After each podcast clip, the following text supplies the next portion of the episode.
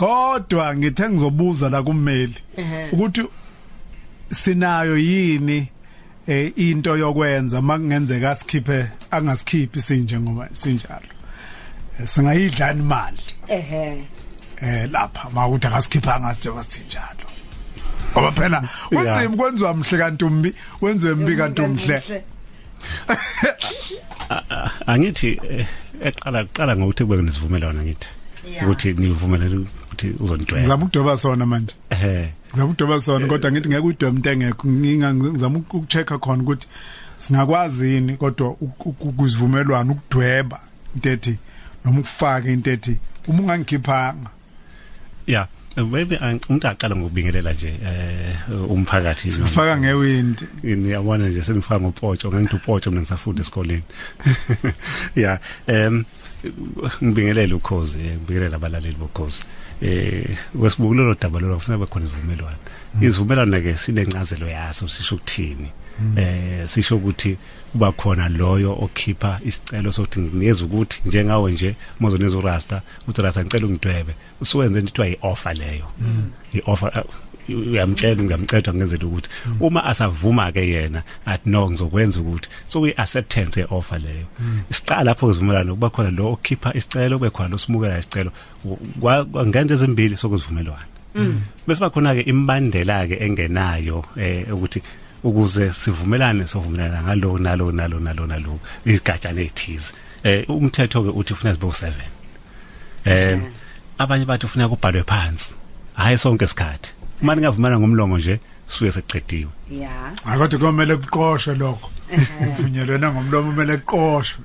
Lokho kwenzela ukuthi kube lula ukutshengisa ubufakazi navumelana ngani ngoba manigcina ngomlomo okuningi yakhohlewa so lokubhalwa phansi ke kuba lula ukuthi niyobe senivuma ukuthi okay ngolunsuma sekhona ukuphikisana okuthize so kulula ukuthi nikuveze nanivumelane ngani bese kuthiwa i-written contract ebhalwe phansi ulakhe inhlabathi ke lona ummeli eh ulakhe inhlabathi waye unhlanhla umthetho wakhe kodwa kwabona ukuthi kuzonhlanhlatheka Yeah. kuthiwe nhlanhlanhla bathi bathi bazoyiluma ulimi kwathi hayi lithina lisondelene khona kuthiwa cha ulakhe sithi asizobheka udaba lwama njengoba sekhuluma ngezivumelwano nje isivumelwano eside uyabona uthola ukuthi sivumelane no Rasta la ukuthi u- ku- kwiminyaka emihlanu uzohlala ungidweba nje ya awu uma seqalile ukungidweba bese ngiyabona ukuthi hawu kodwa kade ungidwebisisi kodwa sengisayinile zama ukubheka ukuthi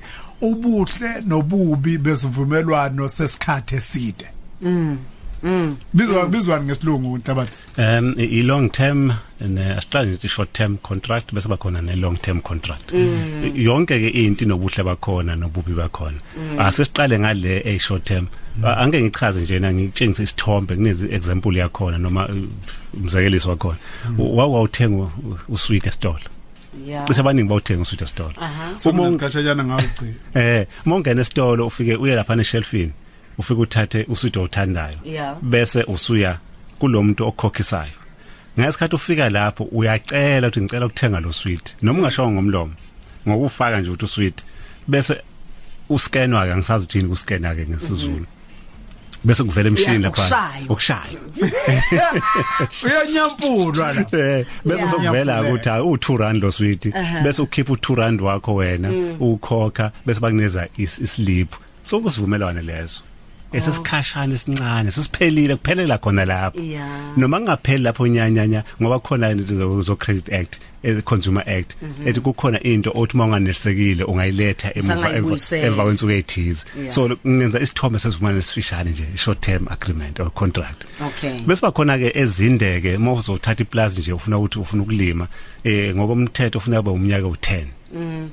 Sifuna ungena kusona. Eh long term ke le. Yini ke into enhle ngayo? Ukuthi izitshalo ezinye zithatha iminyaka eminingi ukuze zikwazi ukuthi uzivune uma sisifishane umnikazi wendawo ngavela sisha akuyeke zathi ayekela manje. So ingako umthetho uthi at least abakhona iminyaka u10 inkinga ekhona ke kulesi side sengiveza manje okubi ke ngaso. Uvele uqhamuka isomiso. Eh ungabusakwazi ukukhiqiza into ofuna bekhiqiza kodwa manje ngoba ibophela iminyaka ewu10 usenkingeni ke manje usuzokwenza kanjani ukuphuma lezivumelwano lezi Ngiyabonga. Isking- inkinga iba lapho kwezinye iminyaka eminingi. kwesikhathi uthola ukuthi eh, mhlambe nje esibu eh eh uthothi njoba kuvulwa ikole njoba si back to school eh abazali bakhala ngomfaniswana awubisa kabi lo mfaniswana. Eh lesi sikole indaba singidayisele lo mfaniswana bengingawuthola nje lapha ya enhlabathi enhlabathi bani bani yeah, shop. bese sithi isikole hayi sine sivumelwano nothembeka zondo. Yebo yeah. Umkhiqizo Eh, othize. umkhi- ukuthi iminyaka ewu20 uyena osinikeza uniform thina bese si- siyidayisela nini? Asikwazi ukuphuma lapho. Yeah. ngakho ke asilifuni ishirt elizothengwa kwasiphongo kodwa sifuna ishirt elizothengwa kwathembeka yeah cela. Yeah inkinga lezo abazali ababhekana nazo Eh, kuke kwavela ukuthi abazali abaneliseke kahle ukuthi angenzi into e- e- ekhona nje. Isikolo esivele si- sibe nezivumelane nomuntu othize ukhiqiza uniform bese lo mkhiqiza asithatha isik- uniform yakhe azobeka khona esikoleni. Bese kuthiwa abazali nizothenga iuniform lana kuthina anikwazi ukuthenga kwenye indawo yilana kuthina kuphela. Uthola ukuthi isikole sinezivumelwane naleyo mkhiqizo for iminyaka ewu20 manje asakwazi ukuphuma ke manje isikole kulo mkhiqizo kulo kulo mkhiqizo ngoba usu- usuphula isivumelwano i-breach of contract. Sababambekile ke abazali manje ukuthi ufuna bathenge ngenkani akuyona ke into enhle leyo.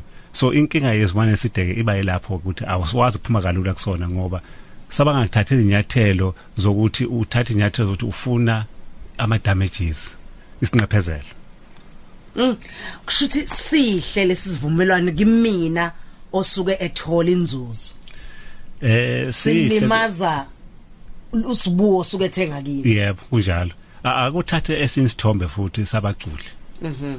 Umculo uthiwe eh ufuna up- ukhiphe ama album ayinani elithize eh uthola ukuthi umculo loyo hayi, lento lena ayi- ayingizuzisa indawo mina abesathi ngifuna ukuphuma. Akakwazi ukuphuma ngokwezimali eside ngoba uboshwe lezivumelano ufuna uk- ukhiphe ama album angenza isithombe nje maybe awu 8 wena usuyabona ukuthi iyangihlwa into okhipha lama album manje ikhono lokwakhipha anginalo. Usubophelezekile.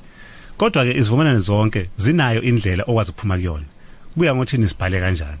Eh kuba khona ama izigatshana ethize ezingenayo la nivumelana khona uma ungasafuni ukuqhubeka nalokho ungaphuma ngokwenza lokhu nalokhu nalokhu. Isikhathi esiningi akwenzeki kanjalo kodwa ziba khona ivumelana ezibhalwa kanjalo. Ngoba phela manje ithi iyaqala lento hlabathi ukuthi sivumelene yebo ukuthi uz- uz- uzongikhiqizela noma ngizokwenza ama album awu8 yeah. Asithi iminyaka ewu8 leyo. Kuthi unyakeni wesine ngibona ukuthi uyazi ayingisizi lento mina ngabe ibusiness kumina eh ngoba phela italent lami leli fanele ngabe siyahlomula sobabili. Kodwa manje kuhlomula wena njengenkampani. Mina njengomuntu owuyena umnini wetalent angihlomuli. Yeah kodwa uthola ukuthi still wena usangibophezela ukuthi ungifuna ungigcinile la ngingasajabula uyabona ke izivumelwano masiqalwa nje. Kukhona into ethiwa i-cool off period. I- la uthi awuhambi uyifunda le lento ebhalwe la. Ungaqala uyisayine hamba nje uyifunda. Eh bese uyifunda ke subonisana maybe isikhathi sasithi abantu abaye bameli bobabonisa ukuthi le zivumelwano si- si- si- si- si- sihambisana nefiso zakhe na? Then before sign. Abanye ke ngo- ngokujabula avela sign umthetho uyinkinga ke lapho ubuthelezi ngoba uthi kuthathwa ukuthi loyo osayinile ufundile. Ingakho sibhala ngamagama amancane lapha nezansi ivumelano esikhathini ngoba benzela wena uvilaphi ukufunda. Kanti kona lo ufuna ukufundeka. Kodwa once wasayina sokusho ukuthi uthathwa eh, engathithi ukufundile awusawazi ukuphuma kuyona. Zikhona ke ivumelano ezinikeza insuku eziwu10 ukuthi uhambe uhlale phansi ubone ukuthi eh angithandi lento cool off period bese yaphuma kuyona. Uyazi ukuthi ngine ngi- ngi- ngi- ke ngezwe ngathuka kwaphela naso zwaneni. Yini? Ukuthi ngesikhathi sikahulumeni lo wa- wangaphambili wencindezelo eh. kunevumelwano zeminyaka emide ezazi ezenziwe. Ngiyakhumbula nje kwenye indawo impela okwangazi ukuthi ukusupply kwamanzi kulowo mphakathi kunenkampani eyimele eyinikezwe iminyaka ngazi noma engamashumi amathathu. Mhm. Aw sekufika lesi sikhathi lesi se- salohulumeni manje. Mm. lapho uhulumeni esekwazi ukuthi okay amanzi azo azolethwa Yeah, uhulumeni yeah. wasekhaya ngokulekelelwa u- umnyango wezamanzi. Yeah. now nenza njani? Kwenziwa njani ke esimene sifana naleso? Uhulumeni naye ubambeke ilesa sinqumo eh ku- ku- kukhona into ethiwa i-succession right isivumela i- ilungelo lokuthi olandela wena. Kuya ngokuthi sibhaleke kanjani futhi. Umuntu olandela wena ubophezelekile lapho. Isithombo senzayo ilesi sithombe zo 99 year lease. Yabona lezi thombo zo lesomhlaba for umnyaka o99 uthola ukuthi sokhona inkinga ebakhona kuthiwe cha wena ubanjwe lo 99 years. Kukhona esinye elinye icala nje esike salenza lapha. La kwakuvunyelwa khona ukuthi kuzongcwatshwa endaweni ethize for iminyaka u20 kwahamba hamba wathola ukuthi ayisekho manje indawo engcwaba lapho. Sekuphele yona. sokuphele yona. Kwathiwa no navuma ukuthi iminyaka u20 Awukapheli. awukapheli 20 years. Ufuna nenze njani? Kukhona ke into okuthiwa i reasonable na? Ngabe ise i reasonable angazi gama likhona ngesingisi lesizulu ngathini. Nizomfosa ka ngamama zivumelana ufuna kuba into ekwaziyo ukwenzeka. Kufuneka ikwazi ukwenzeka. Anikwazi ukuvumelana ngento engakwazi ukwenzeka. Hey. Yabona Hey. Wayikhuluma. Into yazi wesibuni njengoba usakhuluma ngibuka la isivumelwano eh uma singaya ngathi ngokwasenkolweni eh sibuka nje eh ngesikhathi kuvumelana umdali noAdam. Kuthiwa lesi sihlahla. Angazi. Singadliwa. Nona le ngiyi akubanga ne-cool off lapha Eh? ya ayi- ayi- ayibanga khona i-cool off ukuthi akakayoyicabanga lento ukuthi ngempela lesi sihlahla akazusidla ngempela yini. Ngizama ukuya kulento ayishoyo umhlabathi yokuthi njengo esikhathini esiphila kusona njengoba ekhuluma nge-cool off kumlaleli olalele ekhaya yila ohamba khona uhambe naye. Uye ekhaya uthi kuhlala kancane. Yini la ishoyo umroza? Mhlabathi ngiyayizwa manje lento umroza. A- angithi- kahle kahle lento ayishoyo ibizwani ngempela. U- u- ungayi- ungayithini wena sikhona njengommeli? isivumelwano lapha. akusona isivumelana leso i-consent eh, ibizwa ngokuthi kwaba yini lapha ensimini yase Eden kwaba yikon bros kwaba yikon kwaba yiconsent ngamazwi u- usho ukuthi hayi hayi bo wemros musuqala indaba esike siqede Chabe ukubu asingagxili ngiyadlula nje ukuthi nginilalele nobabili. Ngiyanizwa sengicabanga lesi sivumo kukhona kukhona umehluko ke kucishe kuncikane i-consent nesivumelwano. Yabona nje i-consent ukuthi ngiyavuma ukuthi lokhu ungakwenza kumina. Kubukeka njengesivumelwano kodwa kuyi-consent futhi. Ingakho kuba namacala amaningi uma uthi umuntu usevele wayithathela isithelo ngaphandle kwesivumelwano. Kodwa sibizwa sibizwa nge-consent. Angazi ngesingisi ukuthi ngesizulu thini consent Oh vele ngibuke. Vele ngibuke le ndaba. Fana lethu nje ukuthi njengokuthi eh, ngithi ungabuyi ungabuyi 6 seseshayile mm. Hothi uma ubuya nje ubuye 6 engakashaya isivumelwano leso? Ngiyakutshela ubuye ungabuyi 6 seseshayile mhm umthetho unikeziwe la ekhaya. Yeah i-rule umthetho yeah. Eh naye wanikwa into enjalo Adam? Mhm shoot yeah uyabona la cool off cha ngiyanizwa Yeah. Lo weyikole eh inkinga ebakhona ukuthi umntwana akavumelekile ukuthi anqatshelwe ukuya esikoleni ngoba anganayo uniform. Abazali abanye abanayo imali i- uniform. Umthetho kawuvuma ukuthi ingane ingayi esikoleni ngoba ingazanqoka uniform. So at least uyazivuna ke lapho kodwa futhi ufuna kubuke indlela engenzeka ngayo ukuthi uniform ikwazi ukuthi ingane ziyithole ngendlela efanele. Yeah. Hey sikhuluma ngodaba la ngoba kumanje kunabantu abahlele esivumelwaneni angasasithandi kwayena Yeah. Yeah. kodwa siyamlimaza Mm. kodwa lo ngale siyamthokozisa Yebo. Yeah. Yeah.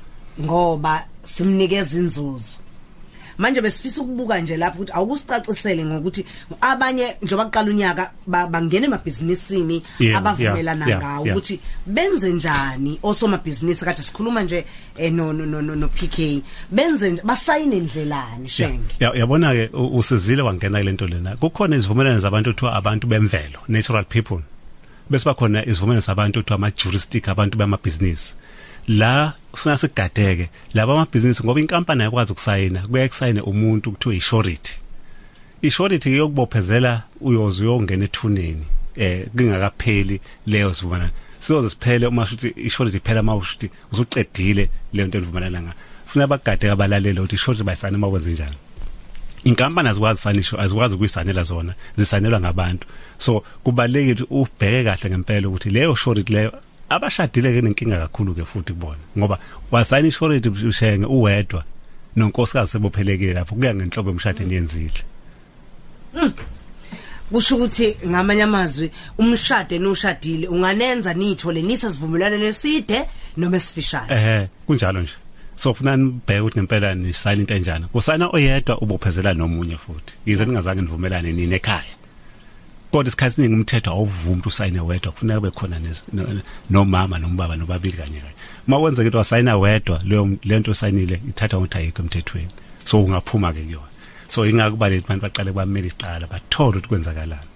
Ilokho obukade usilethele khona namhlanje ukuzosifundisa ukubaluleka kokungasayini singaqondile siqale kubameli. Kubalekile kakhulu. Kulungile advocate. Siyabonga kakhulu. Mhlambe abafisa nje ukwazi kabanzike nokunye banga- bangenza kanjani ukwazi ukuthola Eh ngilaphana empumuza mina eMaritzburg. Eh, kuye kuzimbuzi nje phambi kwami singeke sivumelane singangena. Eh eh i- icingo lithi 033 348 2083 033 348 2083 bangangithola khona ke eh, empumuza eh, enkosini uzondi lapha na eMaritzburg. Ngiyabonga kakhulu. Sibonga kakhulu advocate M- Lucky Nhlabathi ngiyabonga. Sibaleke thina mros siyabonga kakhulu for bantu abathi